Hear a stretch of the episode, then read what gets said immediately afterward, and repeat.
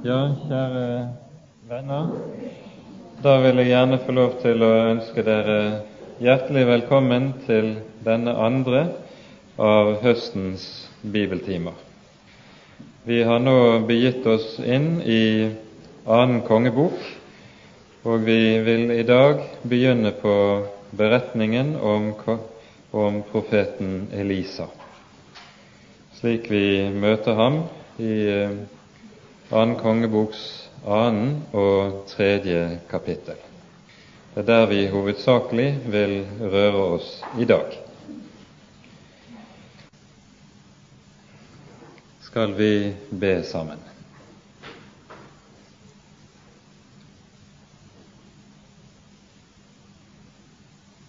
Kjære gode Herre og trofaste Far.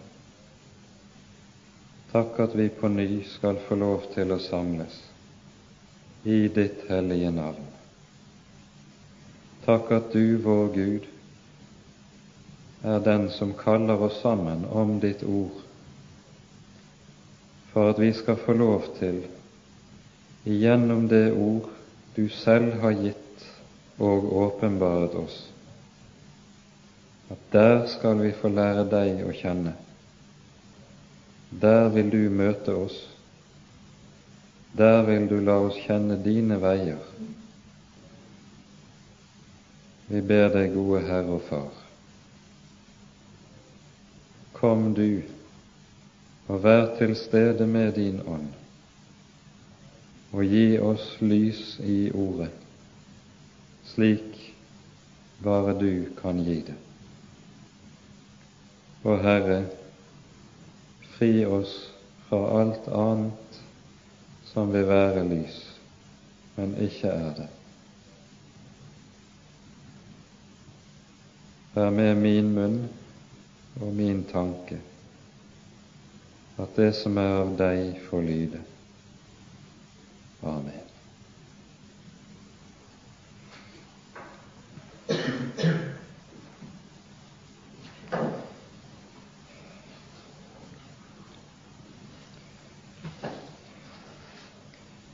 Vi beveger oss altså i dag inn i beretningen om profeten Elisa. Elisa var Elias medhjelper og etterfølger.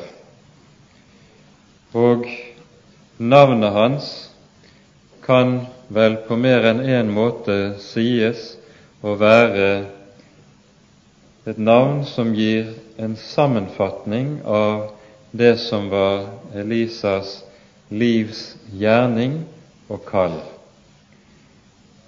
El Yisha, min Gud er frelse, betyr navnet hans, bokstavelig oversatt.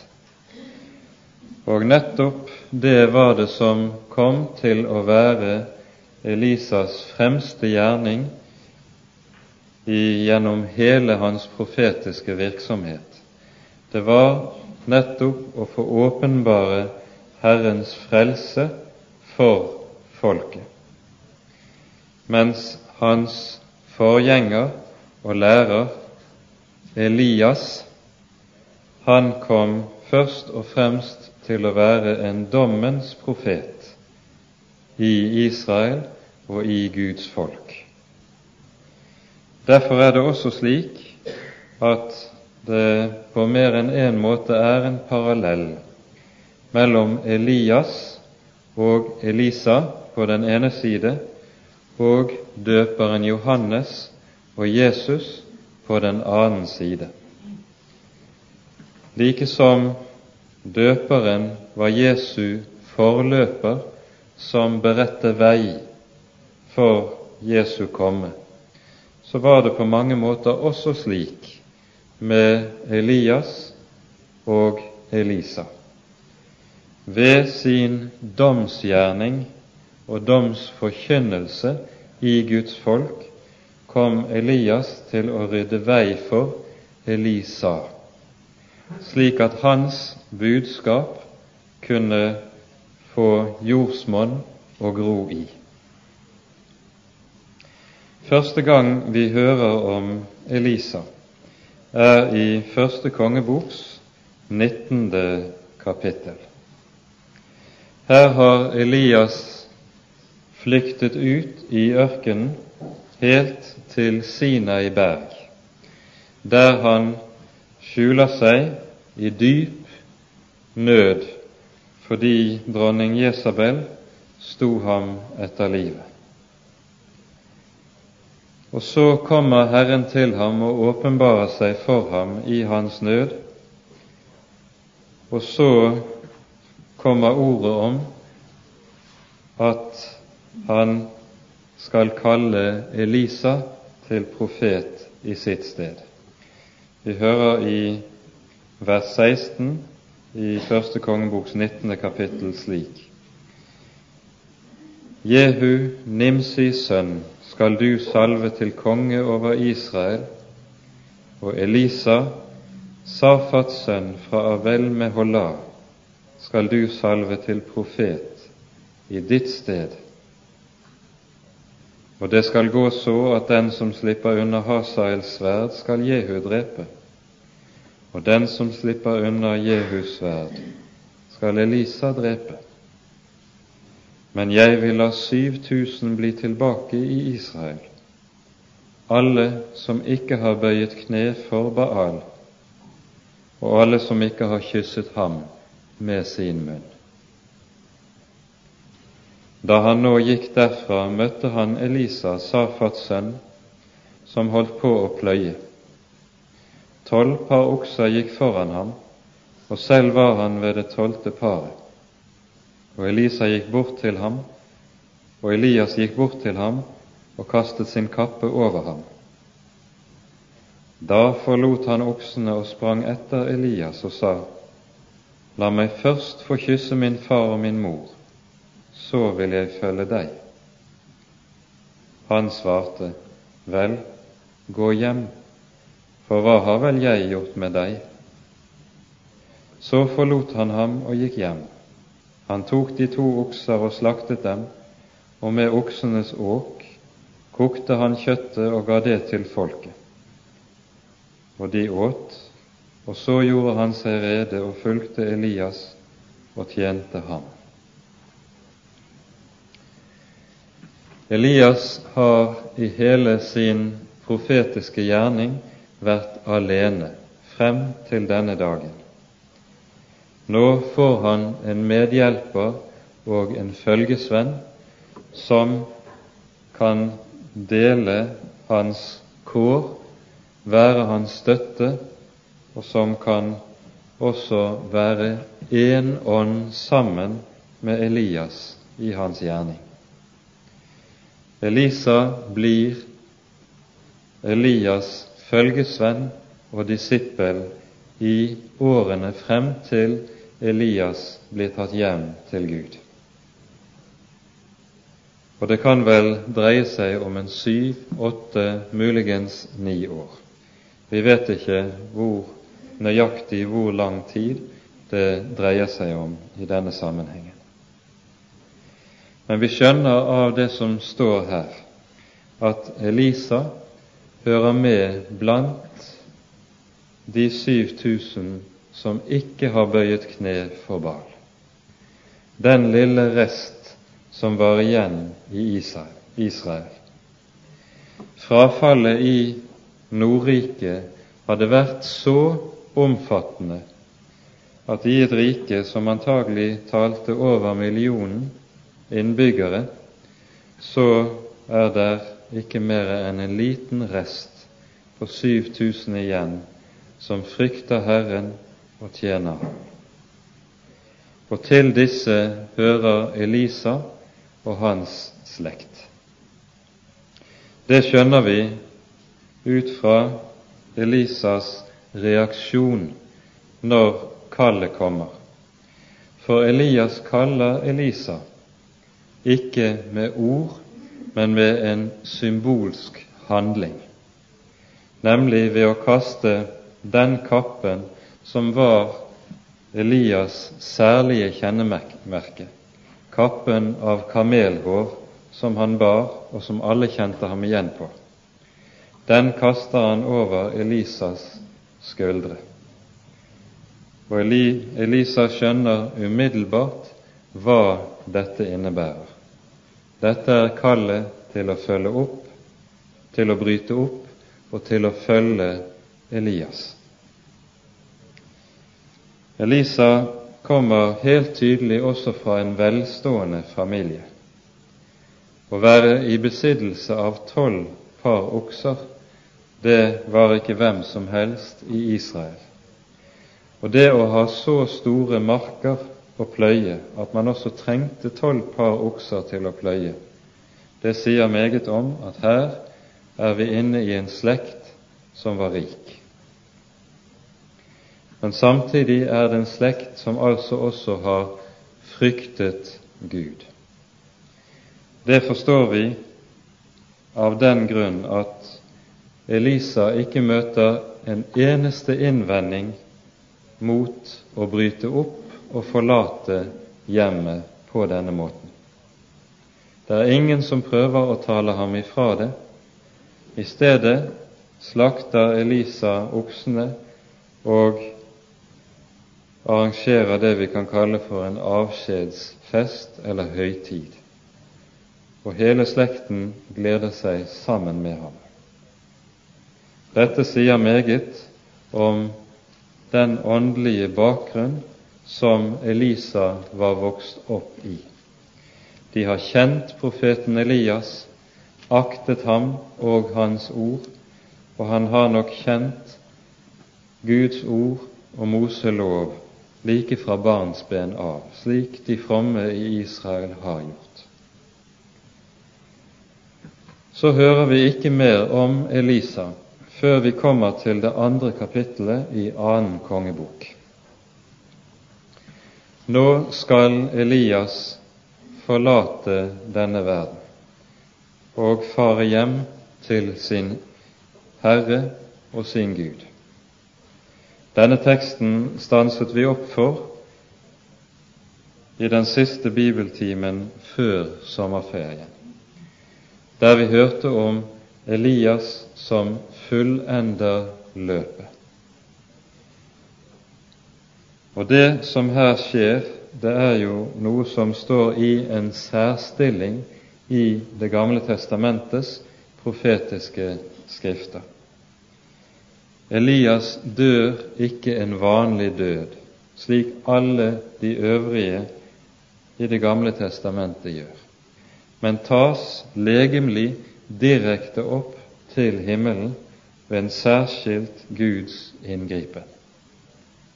Elisa er vitne til dette. Og Elisa er den som følger Elias dette siste veistykket, der de går fra Betel, som en by som ligger omtrent på grensen mellom Nordriket og Sydriket, ned via Jeriko mot Jordan, og så krysser de Jordan og går inn i Moabs landeområde. Og så leser vi, og jeg tror vi skal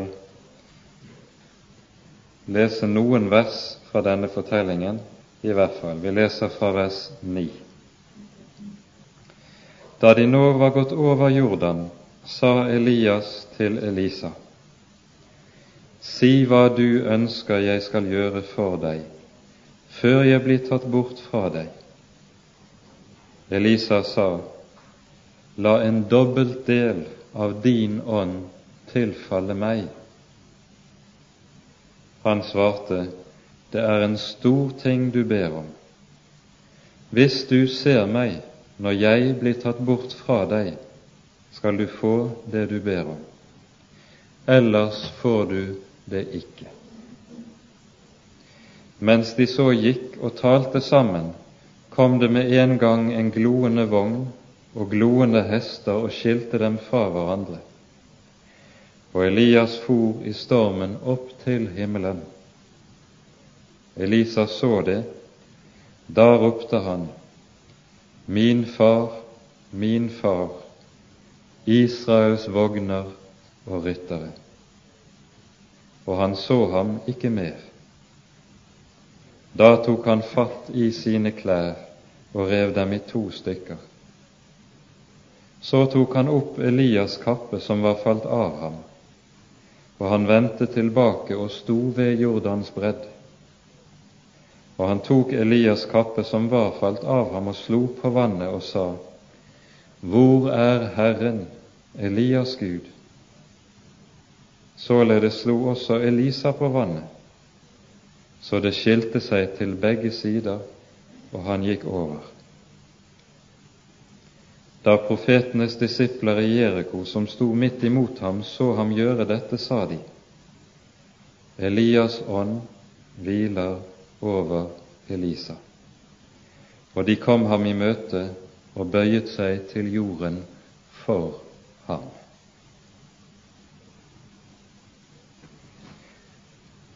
Vi hørte i det 19. kapittelet i første kongebok om hvorledes Elisa kalles til profet, og hvorledes han bryter opp og forlater sitt hjem og sin fars hus. Han er en rik, ung mann som legger alt som han hadde arverett til, bak seg, for å følge Elias. Og han visste meget godt at det å følge Elias, det var å få det stikk motsatte av det han frem til da hadde fått oppleve i sitt liv. Det var å oppleve nød og fattigdom. Det var ikke minst å oppleve trengsel, motstand og kanskje også forfølgelse.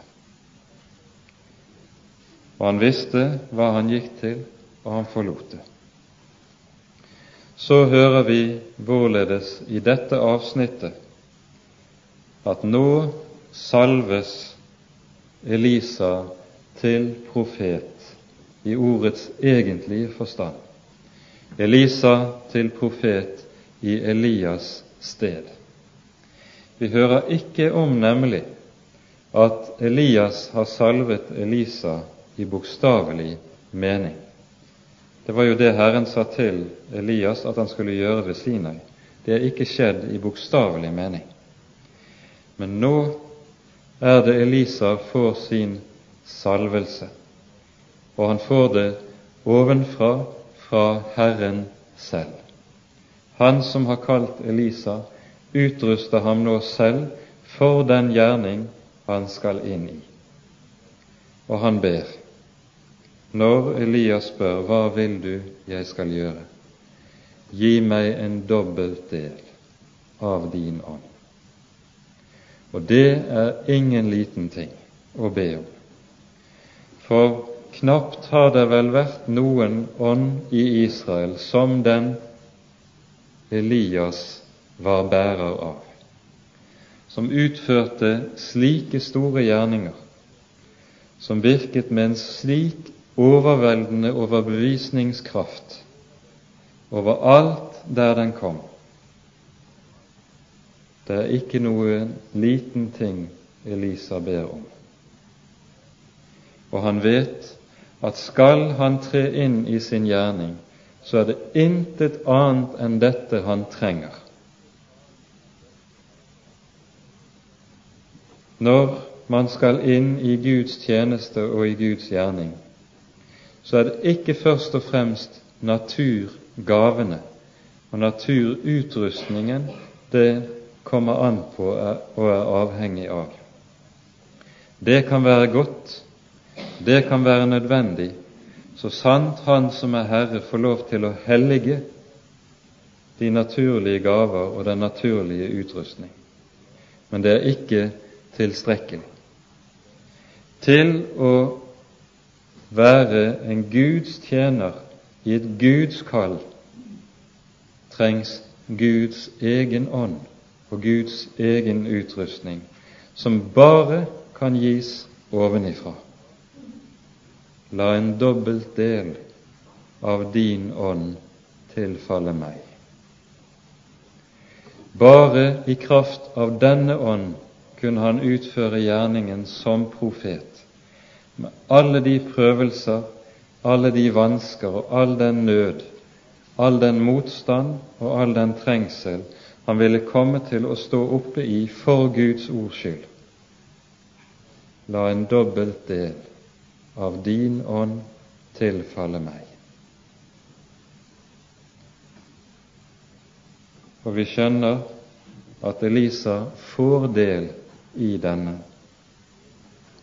For i motsetning til de andre Herrens profeter som sto og så på dette på frastand, så har Elisa den åndelige modenhet som gjør at han ser, og derfor får. Han ser og får. De andre ser ikke og får ikke.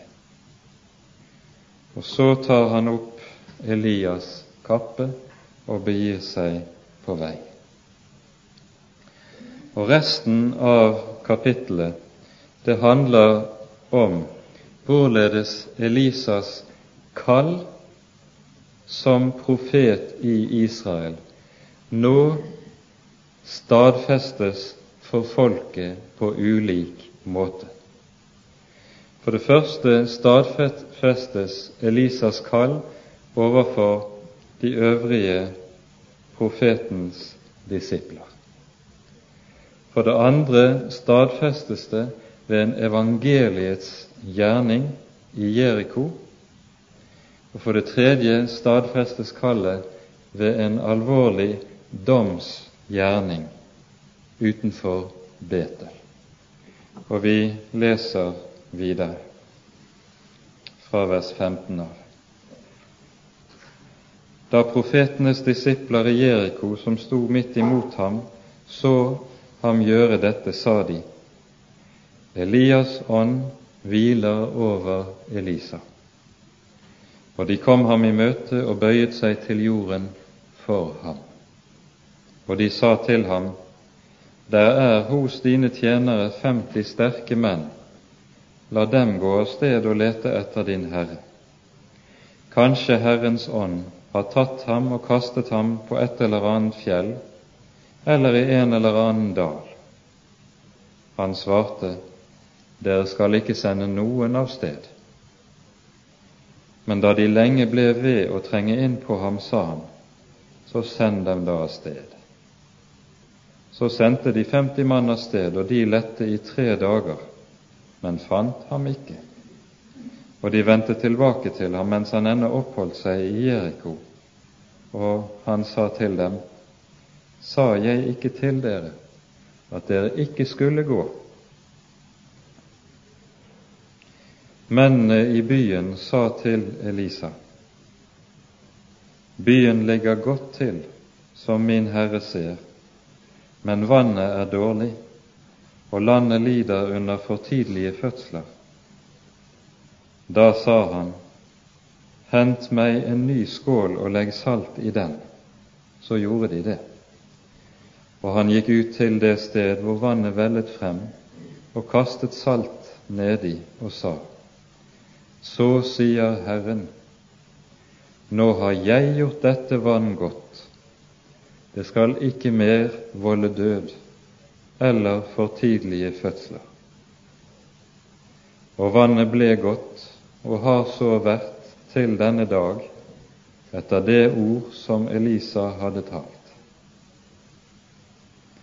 Derfra gikk han opp til Betel, og mens han gikk opp etter veien, kom det noen smågutter ut fra byen. De spottet ham og ropte til ham, Kom opp her, din snauskalle! Kom her opp, din snauskalle! Da han så vendte seg om og fikk se dem, lyste han forbannelse over dem i Herrens navn. Da kom det to bjørner ut av skogen og sønderrev 42 av barnet. Derfra gikk han til Karmelfjellet og vendte derfra tilbake til Samaria.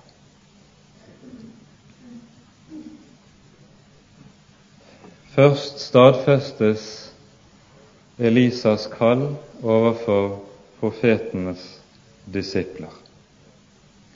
De ser hva som skjer med at Elisa slår med kappen på vannet, og vannet deler seg.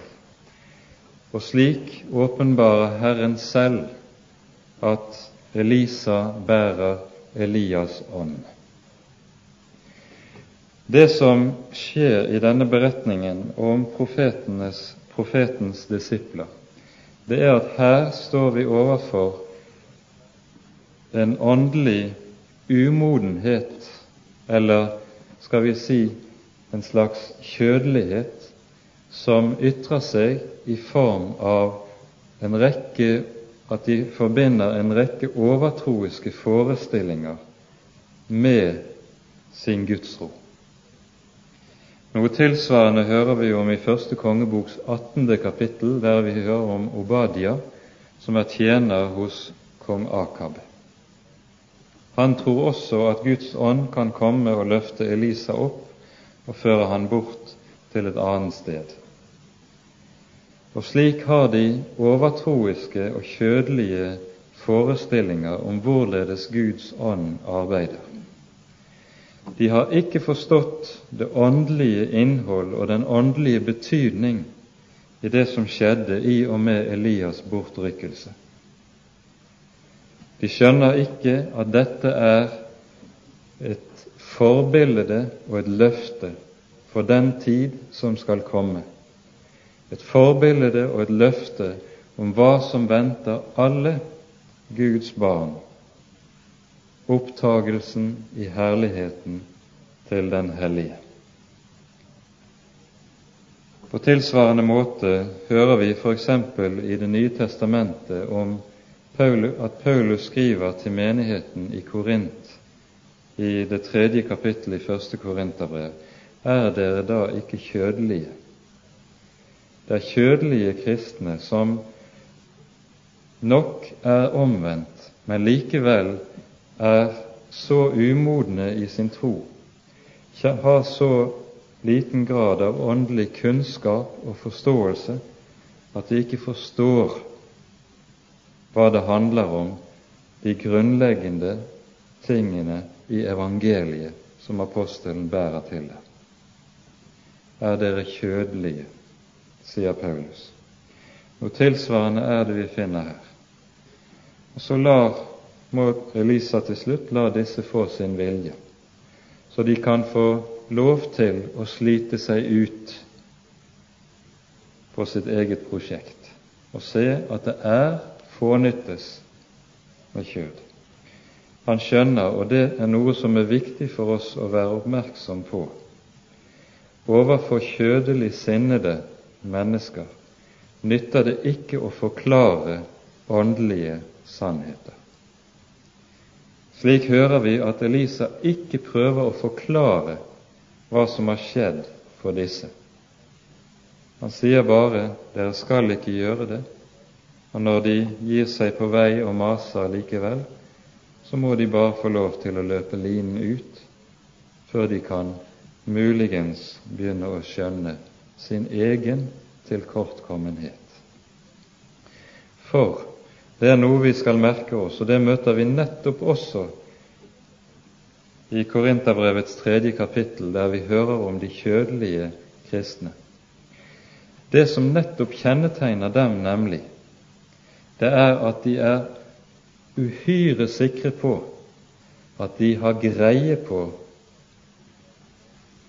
hva kristen tro er.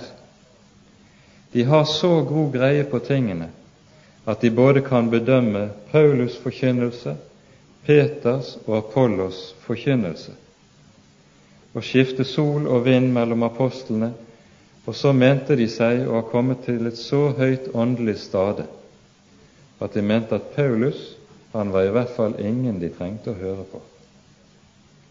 Det som kjennetegner kjødelig kristendom, er åndelig hovmod. Et hovmod som ikke vil høre på den som har Guds ånd og er satt av Gud til å være Guds ords forkynner og den som formidler det som er gitt ovenfra til folket. Fordi de vet så meget bedre selv. Nøyaktig det samme ser vi hos disse profetens disipler. De vet så utmerket godt selv at de vil ikke høre. Og den som vil ikke høre, får heller ikke høre. Dette skal vi merke oss meget nøye, at kjødelighet er alltid paret med stort hovmod på det åndelige området. En vet best, og ingen skal komme og behøve å si noe. Særlig ikke Guds egen profet. Så kommer vi til det som skjer i Jeriko. Mennene i byen sa til Elisa, byen ligger godt til som min herre ser, men vannet er dårlig, og landet lider under for tidlige fødsler. Byen Jeriko er en by som ligger umåtelig vakkert til, og det er fruktbart omkring byen. Men og det er også mange vannkilder i området omkring Jeriko. Felles for disse vannkildene er at de gir brakkvann og til dels sterkt salt vann. Det er akkurat den typen salt som vi finner i Dødehavet også. Byens hovedkilde var preget av nøyaktig det samme.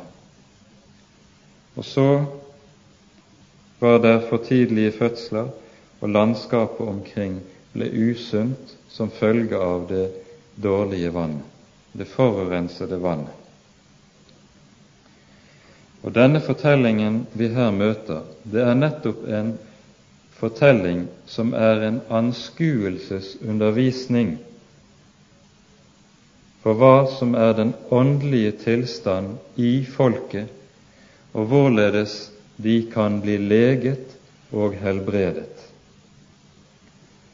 For det som også var tilstanden i Israel, var at folket som folk drakk av urene kilder. Og Derfor var folket blitt åndelig sykt. Og så fødtes der knapt barn, åndelige barn.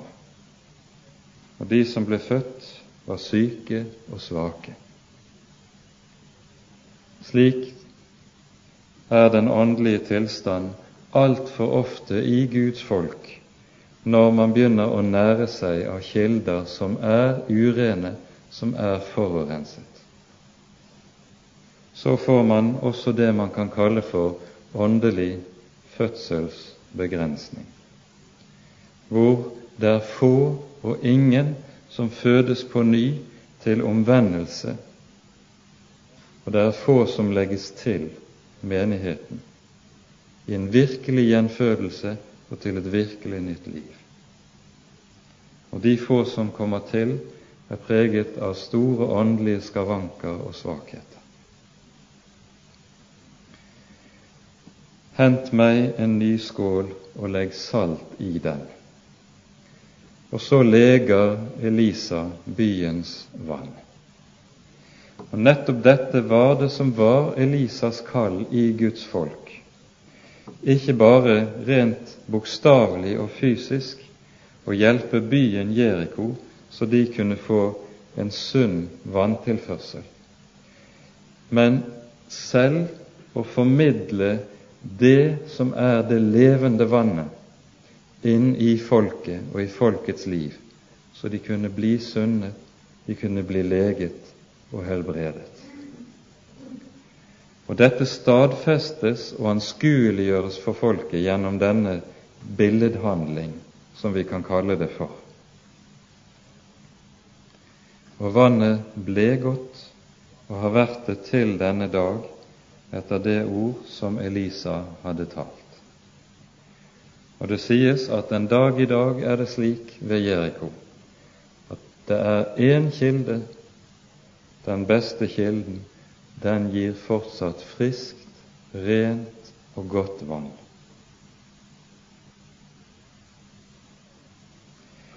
Så kommer vi unnskyld, til beretningen om det som utspinner seg utenfor Betel.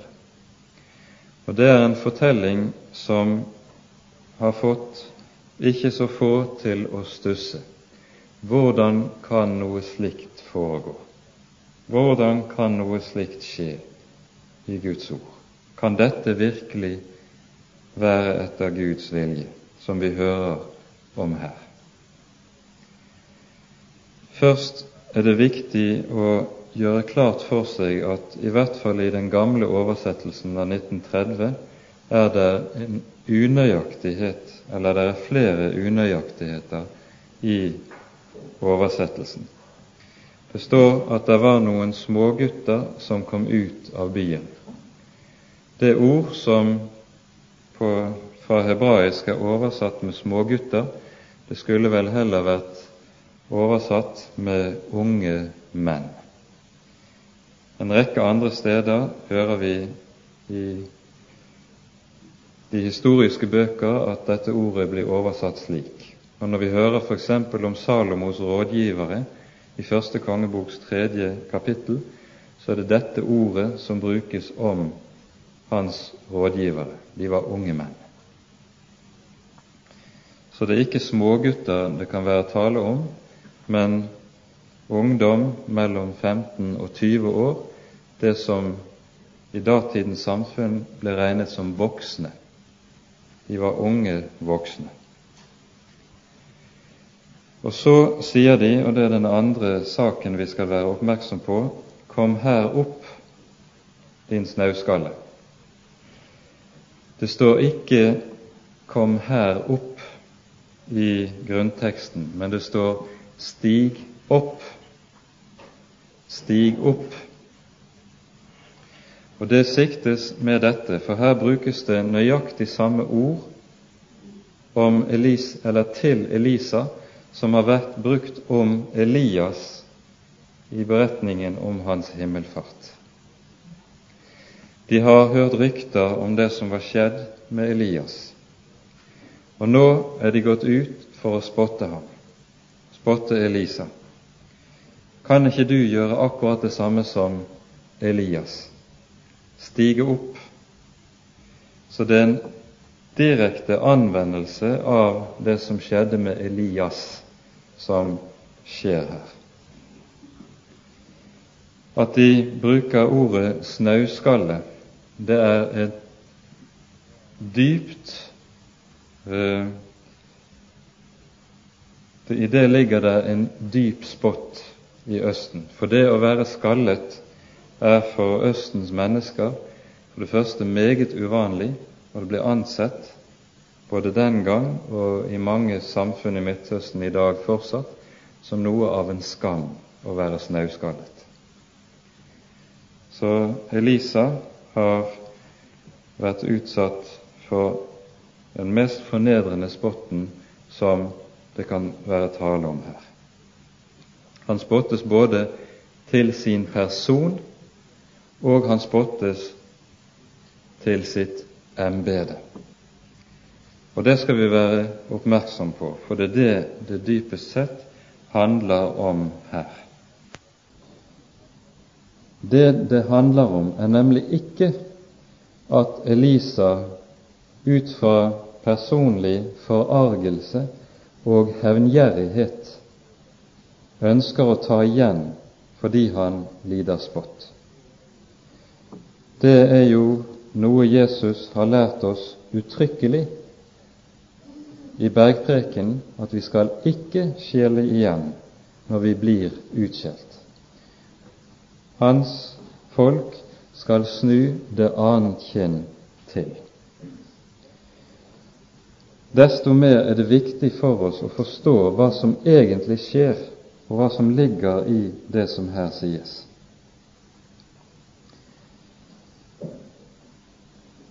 Det som nemlig skjer her, det er at det er Elisas embete som spottes, og som han som er Elisas oppdragsgiver og herre, vil forsvare. Og så hører vi senere i Elisas tid aldri mer om at det er noen domsgjerning som skjer ved Elisa. Disse ungdommene, de unge mennene, de kommer ut fra byen Betel. Betel var den by som var selve senteret for og kilden til frafallet og forfallet i Israel. Der var det Jeroboam hadde reist sitt eget tempel og satt gullkalven som Israel skulle tilby. Betel var det kaller, kaller en senere av prestene i denne byen en kongelig rikshelligdom.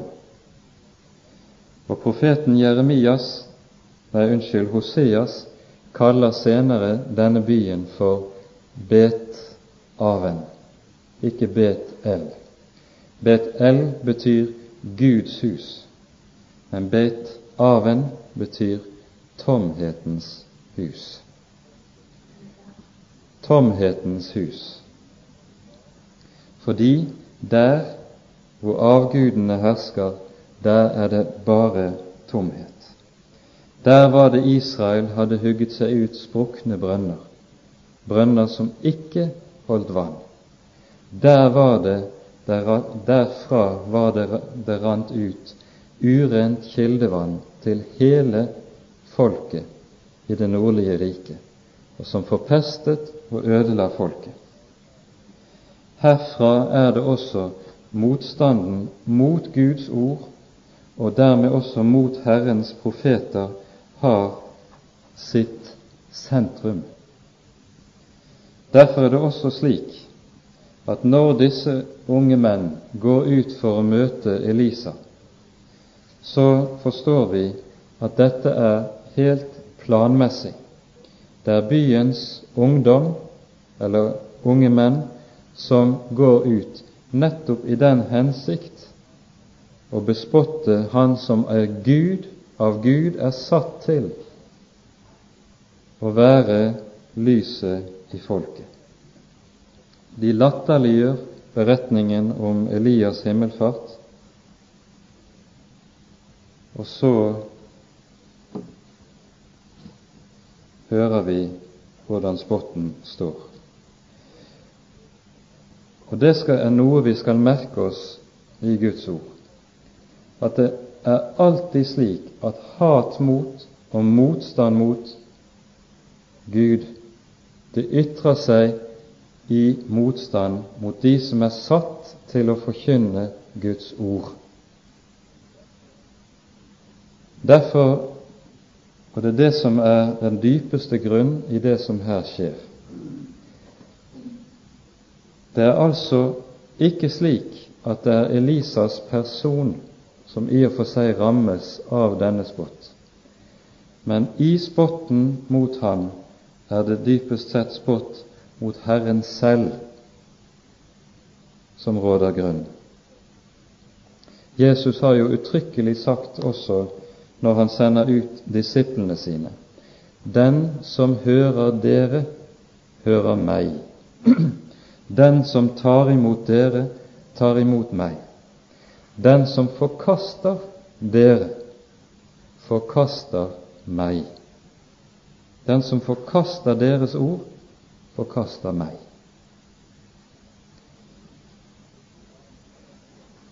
I annen krønikerboks siste kapittel gjøres der opp status over Israels skjebne etter at riket er blitt lagt øde under Guds dom.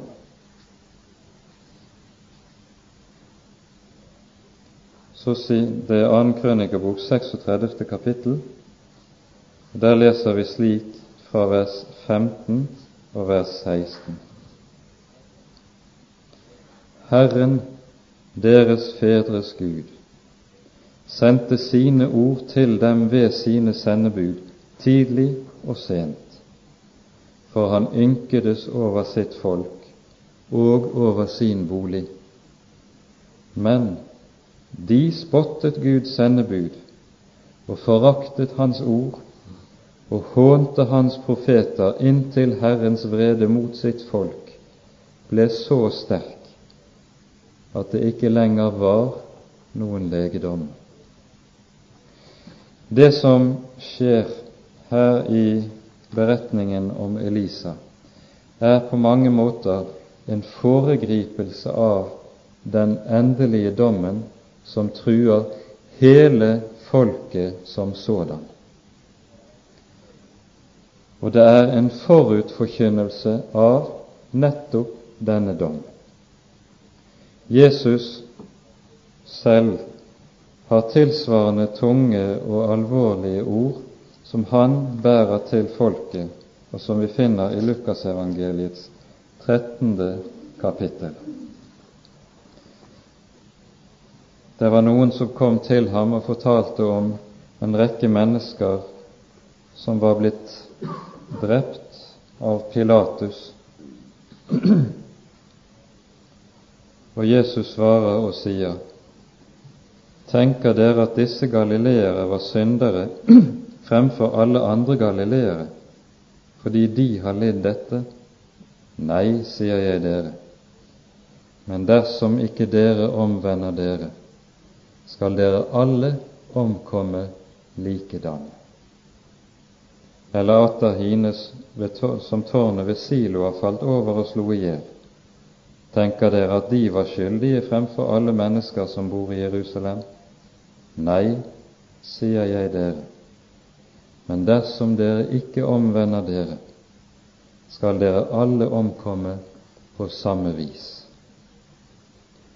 Dette er en tekst som ikke ofte leses fra evangeliet, men Jesus har like fullt talt den.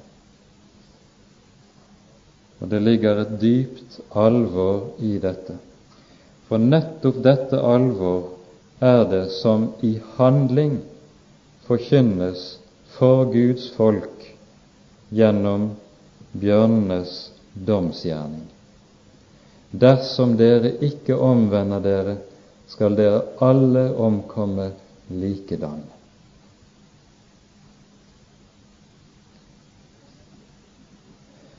Det er nettopp fordi disse unge menns spott er representativ for hele Israels forhold til Herren sin Gud, at denne domsgjerning også skjer, som er en domsgjerning som også blir representativ, som står der som et symbol for folket, for hva som vil true dem.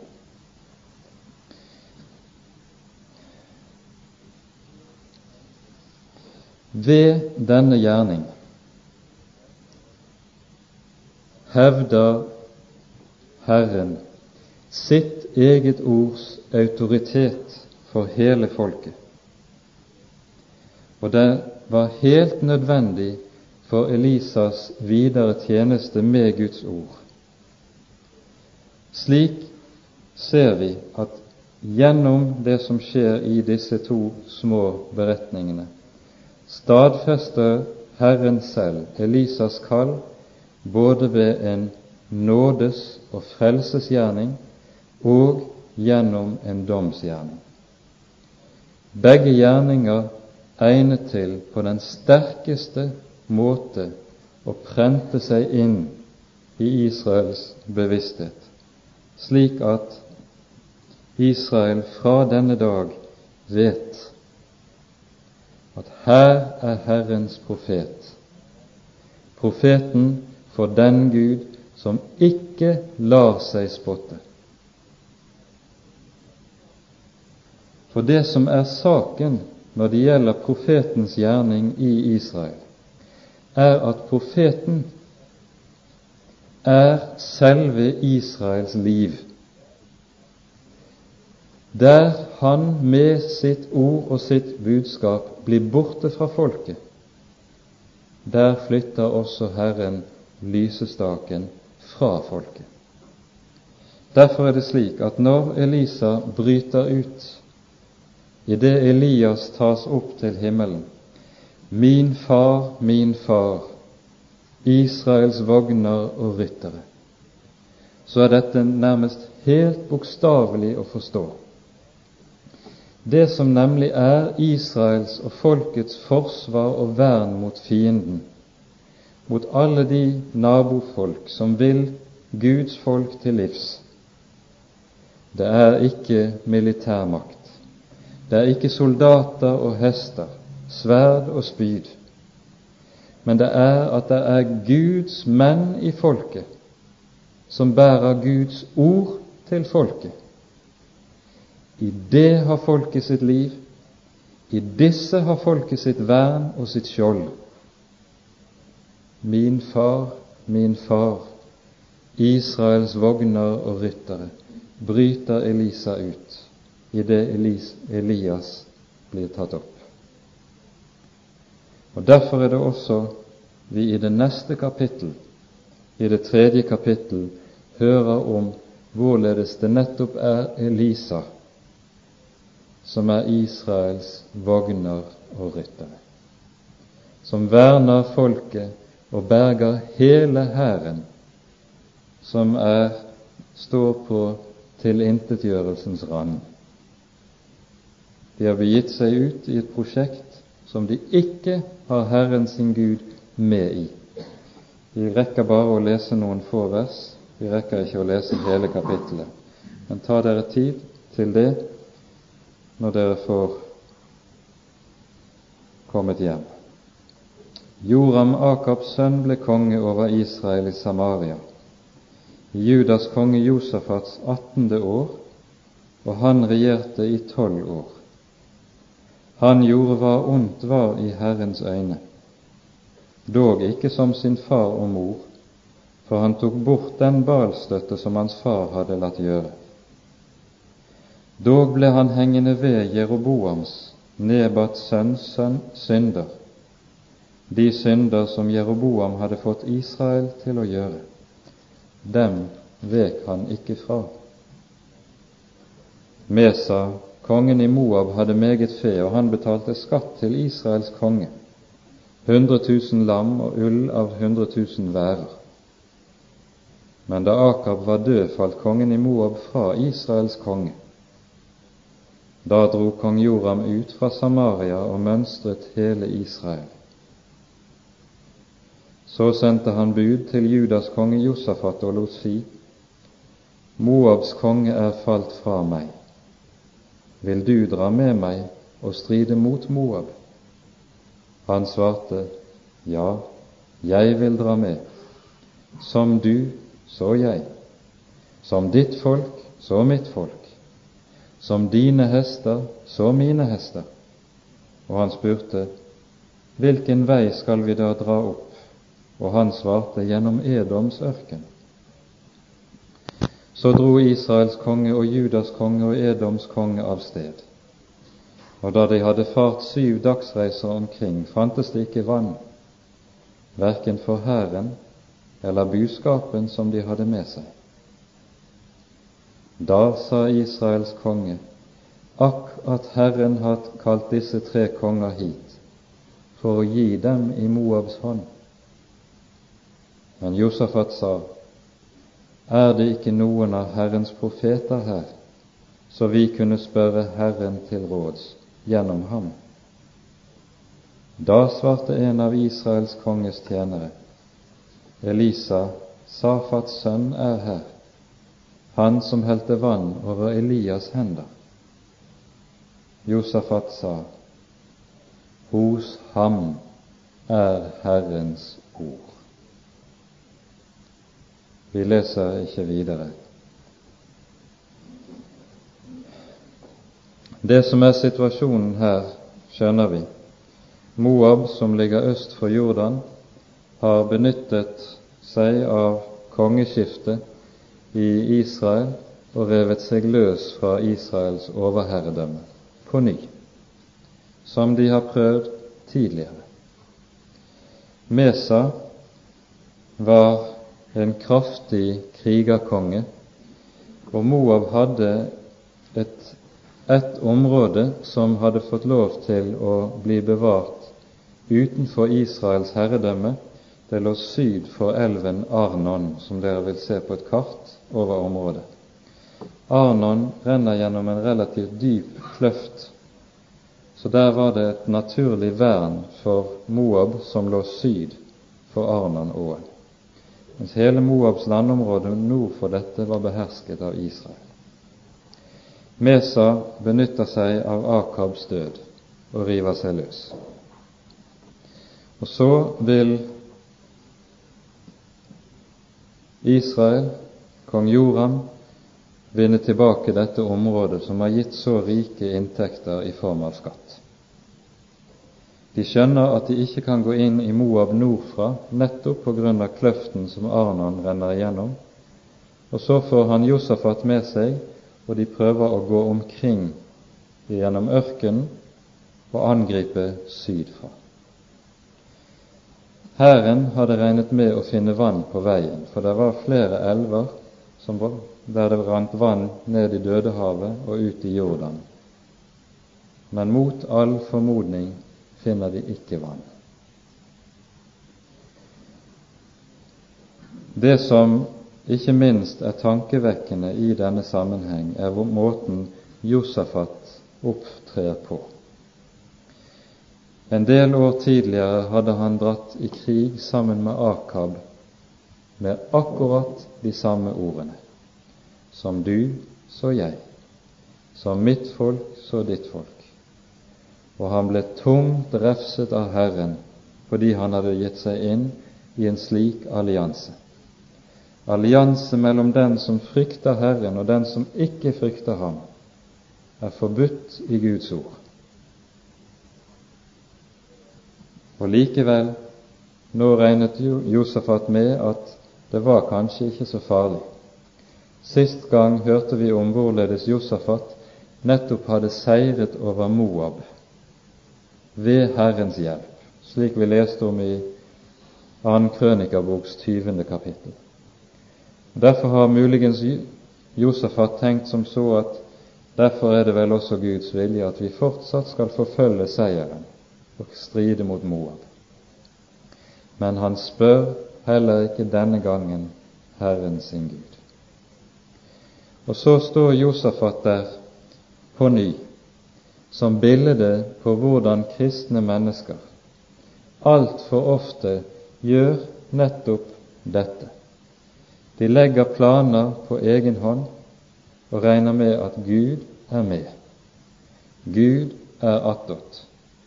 Og så snur man ordene i Efeserbrevets annet kapittel på hodet.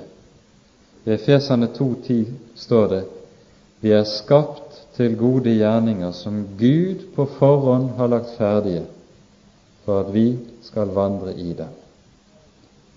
Men det vi altfor ofte gjør, det er at vi legger ferdig gode gjerninger på forhånd, som Gud så skal vandre i. Fordi vi med våre kloke hoder, med våre fine tanker, har lagt sånne gode planer som helt sikkert må gagne Guds rike. Men vi spurte ikke, Josefat spurte ikke Herren til råds. Josefat står som typisk eksempel på de av Guds barn som løper foran Herren sin Gud i stedet for å bie på ham og følge bakefter. Og så går det som det må gå. Det går galt.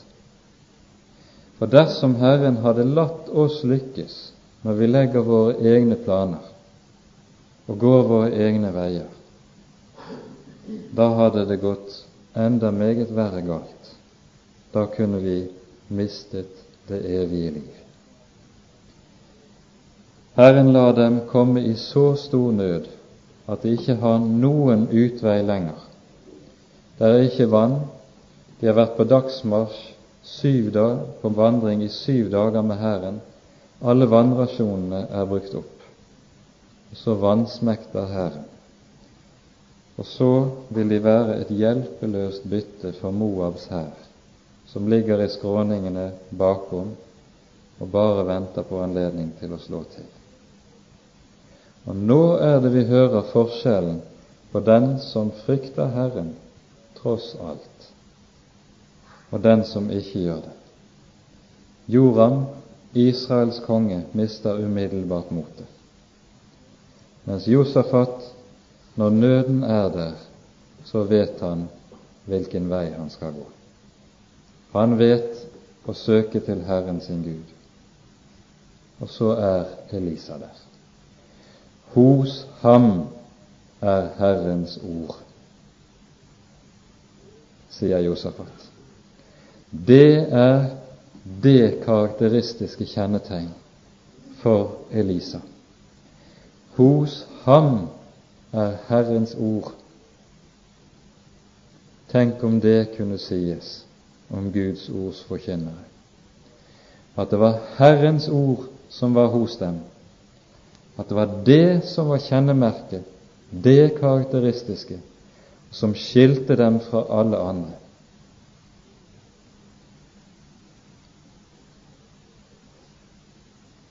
Så søker de opp Elisa, og Elisa gir dem råd og åpenbarer Herrens vei for dem. Og så sannes det i høy, høy grad i denne sammenheng at her, ved Guds ords mann, har Israel sine vogner og sine ryttere. Der har de sitt sanne forsvar. Ikke i kloke hoder, ikke i dyktige strateger, men i at det er én som har Guds ord. I det ligger hjelpen og redningen for hæren og for folket. Og så sannes det at Elisa virkelig er en Elisa, en Guds frelse for folket. Og vi skal også merke oss i denne sammenheng at ofte, altfor ofte, gjelder det oss som Guds barn at vi gjør som Josafat og Joram og legger egne planer uten Herrens vilje. I slike tider lar Herren oss komme dit hen at det går galt for oss. Men han forlater ikke sine, selv om han lar det gå galt i en slik situasjon. Det som da skjer, er det som profeten Jesaja sier i sitt 30. kapittel. Og det er et ord, tror jeg, som vi gjør vel i å merke oss meget, meget nøye. Jesaja 30 fra vers 20 av.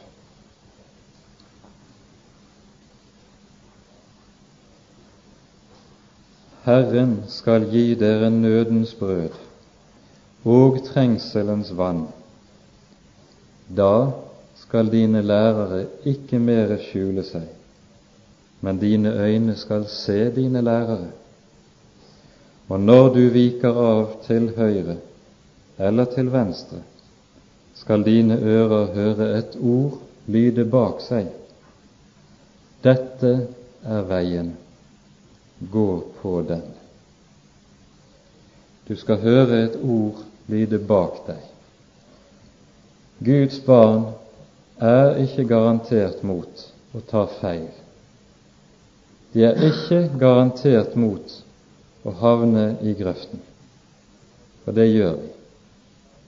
Men vi har det løftet, så sant vi ellers lever rett og ærlig med Herren, at når vi har havnet i grøften, bak efter, så skal vi få høre Herrens røst.